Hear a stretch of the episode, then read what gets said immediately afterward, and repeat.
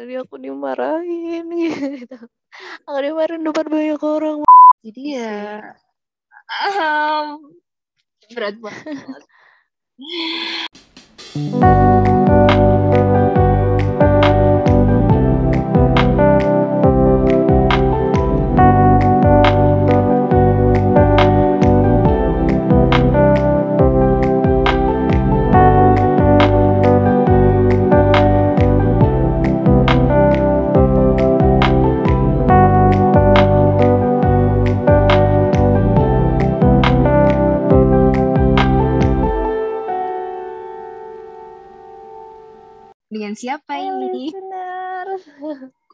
lagi sama kita Iya, di podcast GPT.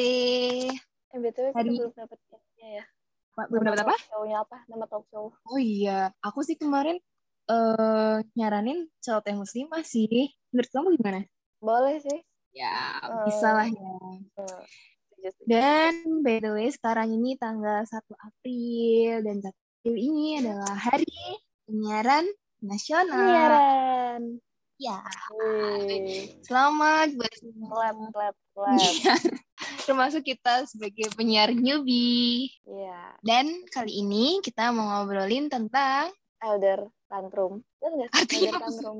elderly temper tantrum. Ah, Hmm, apa itu artinya? Eh, elderly kan orang tua, oh, tantrum. kayak marah besar ya. Hmm, Tantrum, temper itu kayak marah berarti amarah lansia gitu. ya, eh. Jadi kemarin-kemarin sebelum kita rekaman yang sebelum ini tuh apa sih Q&A ya kita? Hmm, ya? Oh, iya benar gimana? kaget banget sama kamu. Jadi si Farah nih bilang teman-teman, "Eh, bentar ya, aku mau mandiin uti aku dulu. Dalam hatiku, what? mandiin uti? Itu beneran? Iya beneran menurut aku bang. Itu gimana ceritanya? Karena kalau aku posisi jadi kamu ya, aku Hmm. kayak "Aduh, siap gitu. Hmm, sebenarnya awalnya juga kayak belum siap gitu sih. Awal-awalnya tuh juga kayak berat gitu kayak gitu. Kayak apa yang ngelihat orang naked kayak gitu kan. Heeh. Karena itu kan juga pertama kalinya juga buat aku. Apalagi eh, orang yang aku mandiin itu juga apa ya benar-benar udah paham sama segala hal gitu kan. Jadi waktu itu tuh ini ada Alzheimer. Jadi Alzheimer itu penyakit progresif yang menghancurkan memori dan fungsi mentalnya dari uh, orang tersebut gitu. Jadi koneksi sel otak dan sel-sel sendiri, sel dia itu merosot dan mati akhirnya menghancurkan uh, memori dan fungsi mental penting lainnya gitu. Dan Istilahnya pikun ya? uh, parah sih sampai dia tuh udah Oh. lupa sama diri dia sendiri gitu. Apa ya udah nggak bisa per- perilakunya tuh udah nggak wajar terus kayak apa ya kayak hilang kendali gitu pengucapan kata-katanya tuh udah nggak bener gitu kebingungan kesulitan berpikir berhalusinasi campur depresi ada delusi pokoknya udah parah banget bahkan dia juga udah lupa gitu sama Tuhan siapa keluarganya siapa gitu. Kadang itu juga lebih parahnya lagi tuh cara makan tuh lupa. Cara jalan lupa. Terus di disuapin. Dan ka- kadangnya lagi apa ya setiap hari tuh pikir tuh apa ya selalu punya selalu terjadi hal-hal unik gitu loh. Kadang hari ini dia lupa bangun caranya bangun nggak ngerti gitu. Jadi baga- badannya tuh kaku gitu tiduran. Terus kayak disuruh miring-miring tuh nggak bisa gitu. Sebenarnya tuh dia sendiri gitu lupa. Tapi besoknya udah balik normal lagi. Gitu misalkan hari ini dia lupa cara dalam makan. Dia lupa cara ngunyah gitu. Oh ya? iya parah banget. Hmm, Bahkan dia tuh udah sama keluarganya tuh bener-bener lupa. Nggak inget sama pernah nggak suapin makan? Kamu posisi eh, nggak salah gitu, terus kamu kena marah. Nah, kalau marah itu pasti sering banget ya. Karena kan dia emosinya tuh kayak nggak stabil gitu. Dan Mm-mm. udah emosinya nggak stabil, omongannya juga nggak ini nggak nyambung gitu kan. Kita jadi bingung menanggapin gitu. Heeh. Kalau kalau marah sih pasti sering ya. Kayak tiba-tiba pas awal-awal dia di sini, kita pertama di sini tuh sering banget ngamuk gitu. Ya bukan yang kayak ngelempar-ngelempar barang enggak sih kayak ya marah-marah gitu kak gedor-gedor pintu lah apalah gitu Kalau tiba-tiba marah ngamuk, kalau tiba tiba-tiba marah ngamuk sebenarnya ngamuknya yang apa ya dalam bahasa Jawa tuh kayak misuh-misuh gitu loh kalau ngamuknya kayak oh, ngebuang-buangin barang tuh enggak sih alhamdulillahnya gitu. ya. Mm-mm. Nah, eh, cerita aku mandiin bautiku tuh ya itu karena dia tuh lupa gitu kan. Gantian juga kan sama umiku, gantian ngerawat gitu. Nah, Hmm. biasanya kalau sore itu dapet jatah aku buat mandiin. Karena karena tanya umiku tuh aku tuh sabar gitu. Sabar karena umiku tuh kadang suka greget soalnya kan kalau suruh gosok kayak gitu susah banget gitu. Kadang suruh nyopot bajunya pun juga susah. Ngomong terus gitu loh. Hmm. Terus apa yang kamu rasain? Kalau pas pertama kali ya, kan sebelumnya Mbak Hmm. Utiku tuh di Kediri sama Mbah Kakung gitu. Terus Hmm. karena Mbah Kakung tuh sendirian, jadi nggak bisa ngehandle gitu. Jadi sering-sering sering banget kabur, terus pulang dianterin sama orang gitu. Oh, Sering, eh, eh, jadi kan kalau Alzheimer itu eh, suka banget kayak apa ya dia kan bingung gitu. Dia tuh nggak tahu kalau itu tuh rumahnya dia. Jadi dia suka pergi-pergi gitu, tapi lupa sama rumahnya dia sendiri gitu. Jadi kalau nggak dijagain tuh bisa hilang. Ih, campur aduk sih. Pas pertama ke sini tuh bener-bener apa ya, potek banget gitu kayak seriusan ini kayak berat gitu. Ini ujian tambah lagi gitu. Pas awal-awal tuh kayak ya sering nangisnya gitu kan karena berat. Apalagi itu kan apa ya, umiku sendiri apa ibunya umiku. Jadi pastilah ya kita ngerasa sedih lupa sama anak cucunya gitu. Lupa sama diri dia sendiri pasti sedih banget. Tapi semakin ke sini semakin kayak uh, menerima gitu menerima keadaan menerima semuanya gitu. Dan oke deh gitu. Oh juga ya? ikut campur campur lah pokoknya Karena aku sendiri posisi baru ngadepin Hmm. mamaku yang uh, usianya masih 40-an, dia posisi sakit. Orang tua kalau misalkan sakit kan mungkin lebih nggak stabil juga ya, naik turun. Hmm. Itu aja tuh aku udah sedih banget itu. Kadang aku Hmm. ngelakuin apa yang Hmm. netral, tapi Hmm. ternyata salah. Padahal aku tuh, maksudnya maksudku tuh baik, tapi ternyata Hmm. nanti malah bikin tersinggung. Belum lagi kalau Hmm. misalkan omongannya ini, itu, dan sebagainya yang apa ya, orang tua kan lisannya kan bisa dikabulkan gitu kan, apa yang ngomong. Hah. Jadi, aduh, berat juga. Tapi aku Hmm. I feel. Heeh. dari ceritamu ini aku ya aku sendiri Heeh. sih bersyukur Eh, Heeh. kayak alhamdulillah mama masih bisa sembuh walaupun mungkin masih diambilin Heeh. dan ya mungkin kalau kamu lihat aku kamu bisa aja bersyukur karena alhamdulillah umi masih kan masih sehat ya maksudnya masih Iya. ya bisa Heeh. lah Hmm. gitu. Hmm. lalu next aku kan di posisi kayak gini eh kepo gitu kan nyari-nyari how to deal with elderly temper tantrum terus Hmm. aku dapat beberapa tips-tips Tips. nih Oh, kalau Heeh. yang aku baca dari elderaf elderadv.com Ah, Eh, heeh. yang pertama jadi ya emang sih kayak gitu tuh berat tapi kita sebagai yang normal ya istilahnya kita yang muda yang masih Hmm.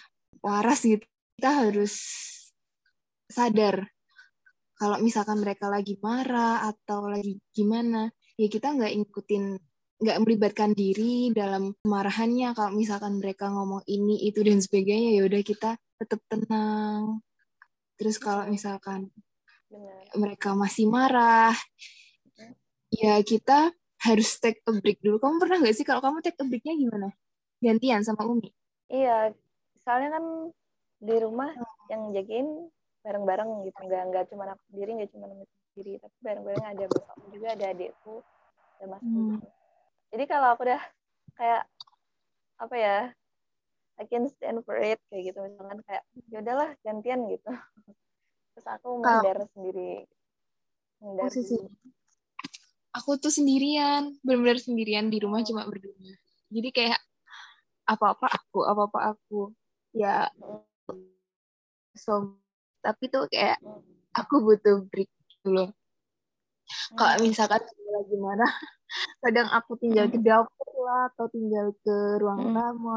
Kadang tuh aku ke kamar mandi. Ya intinya aku mau bilang, Hmm. ya bentar aku mau ke kamar mandi dulu. Kalau udah di sana tuh aku nangis. Hmm, Ibarat- ya time Heeh. aku aku nenangin diri aku nggak pingin terlibat maksudnya beliau udah marah terus aku masa bukan marah ya. Jadi itu cara aku Heeh. buat menangis. Terus kalau lihat dari tipsnya lagi nih jadi ketika mereka marah kan kita eh me time dulu. Lalu Hmm. kalau misalnya mereka udah reda katakan kalau kita tuh benar-benar sayang gitu sama mereka tapi kita juga butuh break. Kamu pernah nggak ngungkapin kayak gitu ke mbahmu? Nggak pernah. Soalnya kan ya Nggak nyambung ya? kalau di Heeh, udah nggak nyambung udah udah nggak ngerti lagi gitu udah pokoknya udah nggak bisa- nggak bisa diajak ngomong gitu Tapi Hmm. kalau Mbak sendiri nih, ibu mamanya Mbak nih, kalau habis marah tuh suka lupa nggak sih apa yang dia lakuin atau masih inget terus gitu?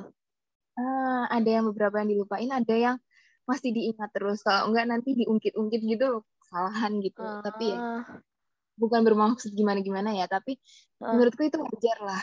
Ada beberapa orang yang kayak gitu kan. Dan kalau misalkan aku bilang I do love Hmm. you, mm, kayak dia tuh apaan sih? Kamu nih Eh, nggak usah ngomong kayak gitu. Buktiin aja dengan apa jangan cuma janji tapi harus ada bukti guys. Gitu. Eh, jadi kalau misalkan itu enggak sih nggak bisa. Tapi kalau aku lebih ke harus pembuktian. Aku eh, berusaha ada gitu eh, tapi ya intinya itu harus punya masih positif dari kitanya sendiri dalam mereka. Itu by the way gejalanya tuh karena darah tinggi kah atau karena apa sih Mbak? gejala apa dulu nih? Dia memang overthinking gitu ya. Jadi Hmm. akhirnya nggak stabil gitu. Hmm, Hmm, terus jadi I ya ah, berat banget. Iya. Uh, finally understand that the first few times you actually follow through, you are going to feel guilty. Jadi kita nggak boleh merasa bersalah. Ya aku sendiri, aku selalu menekankan ke diriku sendiri. Mungkin Mm. kadang kayak, aduh ini ngobrolnya ngalur ngidul banget sih. Mungkin kadang kalau misalkan beliau lagi ngomong apa gitu ya, Eh, eh, aku kadang ngerasa bersalah. Emang aku salah ya, aku salah yang melakukan ini. Tapi ketika aku Eh. membaca di website ini, eh, jangan merasa bersalah karena terkadang intinya tuh nggak selalu kita salah dan nggak selalu mereka benar ya kadang kita juga salah tapi kadang mungkin karena emang faktor usia atau faktor penyakit lainnya itu yang Hmm. bikin mereka benar-benar ah, begitulah mungkin kayaknya teman-teman Hmm. muslim di sini juga ada ya yang pastinya memiliki pengalaman menghadapi orang tua ya gimana ya kayak menuju ke ininya gitu. Apakah sebelumnya dia eh, maksudnya mamanya Mbak itu udah sering marah-marah kah? kesempatan buat Hmm. bisa merawat orang tua hingga di usia yang lanjut itu kayak menurutmu suatu berkah atau musibah? Waduh. Berkah sih, karena apa ya? Kalau aku eh, pernah dengar kalau di negara Arab sana, ya negara Hmm. di Arab gitu, kebanyakan mereka tuh anak-anaknya tuh kayak rebutan gitu, pengen ngerawat orang tuanya gitu. Gitu. Dan menurutku kalau masih ada kesempatan untuk ngerawat itu bener-bener kayak tempat tobat gak sih?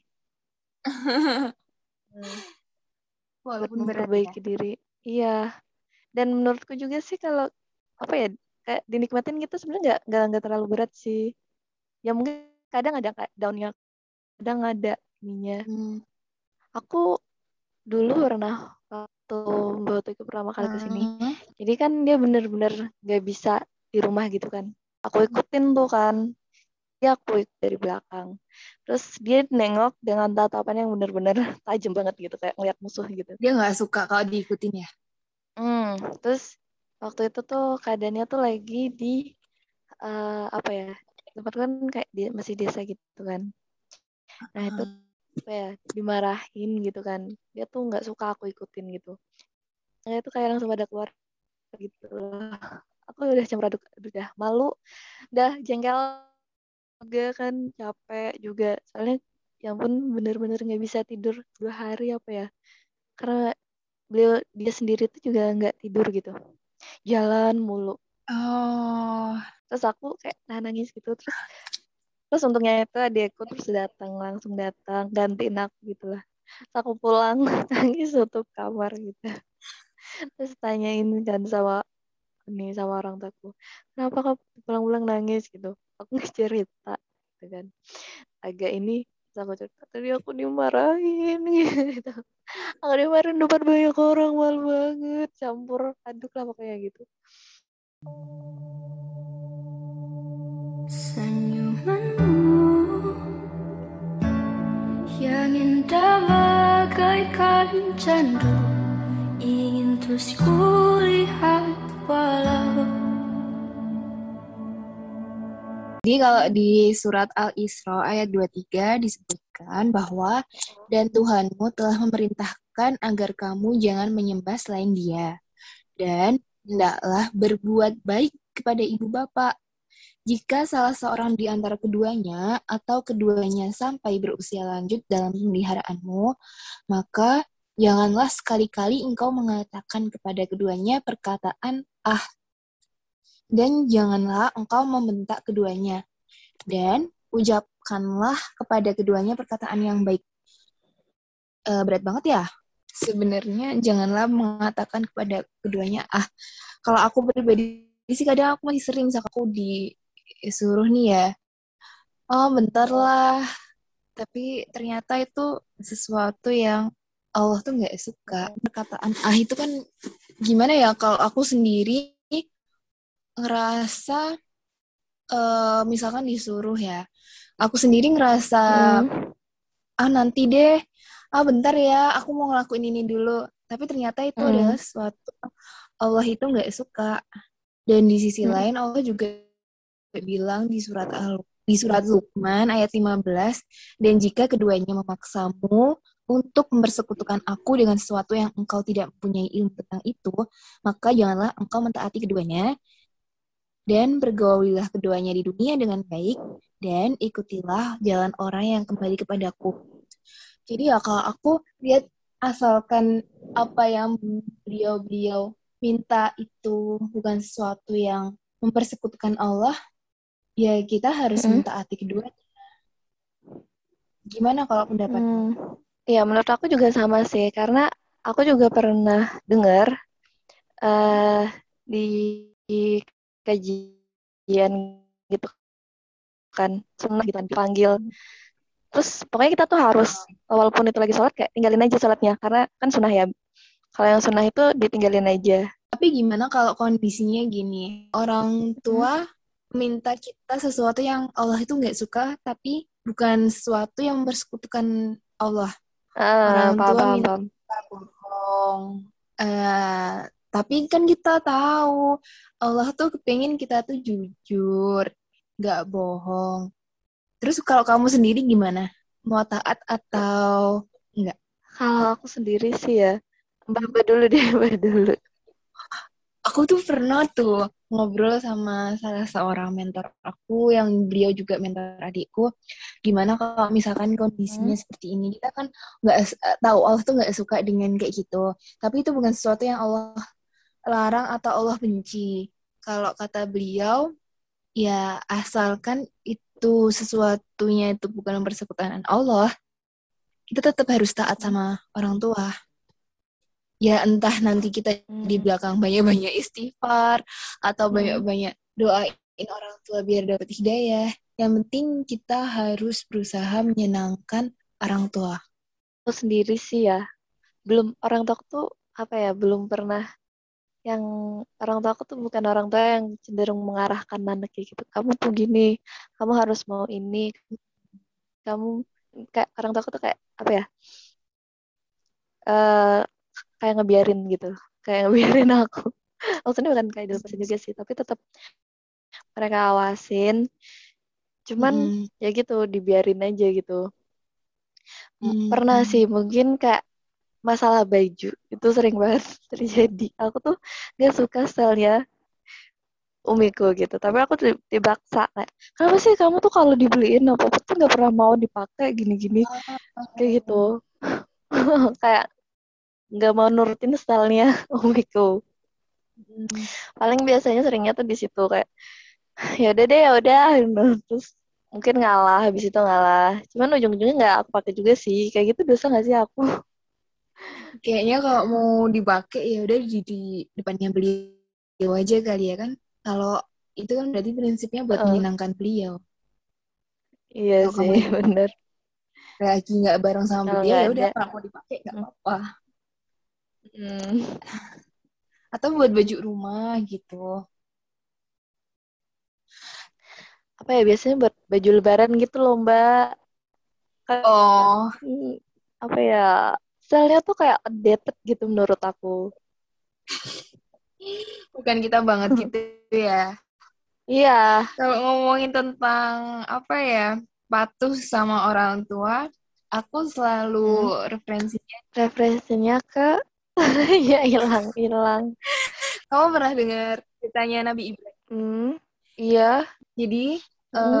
eh, Nabi Ibrahim ini kan dulu karena beliau mengajak orang tuanya, intinya mengingatkan dengan cara yang baik, tapi ternyata orang tuanya tuh nggak bisa nerima. Hmm. Sebenarnya baik-baik sih. Hmm. Akhirnya eh, kaum beliau itu Hmm. benar-benar sepakat. Ya udahlah kita bakar Ibrahim aja. Ya udah iya nggak apa-apa. Ayahnya tuh sama sekali nggak ngebelain Nabi Ibrahim.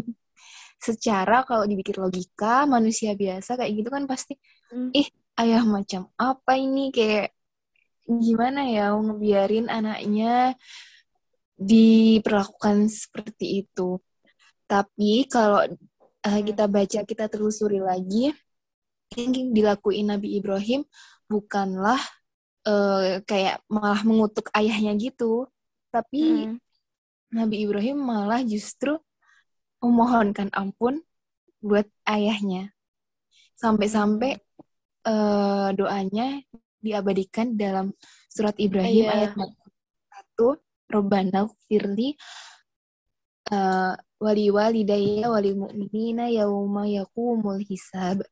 Terus ada lagi juga di surat tunggu tunggu eh di surat Asy-Syu'ara ayat dari ayat 83 sampai 86 tapi yang paling di highlight tuh di 86 dan ampunilah ayahku sesungguhnya dia termasuk orang yang sesat. Itu kayak berasa nancep banget gitu loh. Beliau bukannya yang malah bikin sakit hati, eh, maksudnya benci sama orang tuanya karena nggak mau sejalan sepemikiran sama beliau dan juga nggak yang mendiamkannya, tapi justru kayak memohonkan ampun. Dan semoga kayak kita semua diberi kemudahan juga ketika memang kita dikasih kesempatan ya buat merawat orang tua sampai usia lanjut. Kita semua semua semoga diberi kemudahan buat menata hati, menjaga fisik dan menguatkan mental. Tapi tapi beneran kok yang yang kita hadapin di dunia itu gak sebanding sama balasannya nanti kita di akhirat kan. Yang penting apa ya? Kalau udah ngerasa capek tuh inget lagi gitu. Kita itu ngelakuin itu untuk siapa gitu, untuk Allah. Dan Hmm. emang harusnya untuk Allah kan gitu. Iya. Apa ya perintah Allah gitu kan. Setelah setelah jihad gak sih? Nanti aku harus baca lagi deh kalau gitu. Dan karena ini sudah masuk di sesi penghujung, wis. Kita mau ngomongin apa nih? Kita mau nyampein tentang Kelas Yang- spesial Ramadan. Hmm, ada apa aja? Jadi nanti di kelas muslimah itu ada ziyadah. istiadah itu menambah hafalan baru dan murojaah atau mengulang hafalan yang sudah pernah dihafal. Terus ada khusus untuk surat pilihan. Jadi nanti hafalannya tuh suratnya tuh bisa milih gitu. Ada Hmm. Ar-Rahman, Al-Mulk, Al-Waqiah atau Juz 30 gitu. Terus Mm-mm. ada apa lagi tuh, Mbak? Dan dibimbing langsung oleh LPTQ UMY. Eh, terus nanti dapat e-sertifikat. E-sertifikat itu apa? Elektronik. Jadi kayak Heeh. novel gitu ya. Digital, sertifikat digital. Dapat merojaah partner, terus storannya nanti bisa Hmm. via WA, terus ada pilihan waktu setoran. Dan juga yang fasilitas ter ter ter ter ternya kita bisa tergabung langsung dengan anggota kelas muslimah. Ih, seru banget pastinya. Ada keluarnya kan? juga. Ada kajian Iya. tekanan via Zoom. Ah, benar. Persyaratannya ada pertama muslimah pastinya ya, karena kelas Hmm. muslimah. Yang kedua, minimal berusia 15 tahun. Yang ketiga, bisa membaca Al-Quran. Keempat, bersedia mengikuti aturan dari kelas muslimah. Dan kelima, bersungguh-sungguh dan komitmen dalam mengikuti seluruh program. Keenam, komi- komitmen untuk menyelesaikan hafalan hingga akhir Ramadan. Dan ketujuh, ini gampang banget, follow IG kelas muslimah di at kelas underscore muslimah. Dan waktu Pendaftarannya. Waktu pendaftarannya dimulai dari tanggal 2 April hingga tanggal 11 April. Dan infak terbaiknya sebesar rasa syukurnya. Apa Oke. sih? Jadi gimana? Aku bingung ngebahasainnya.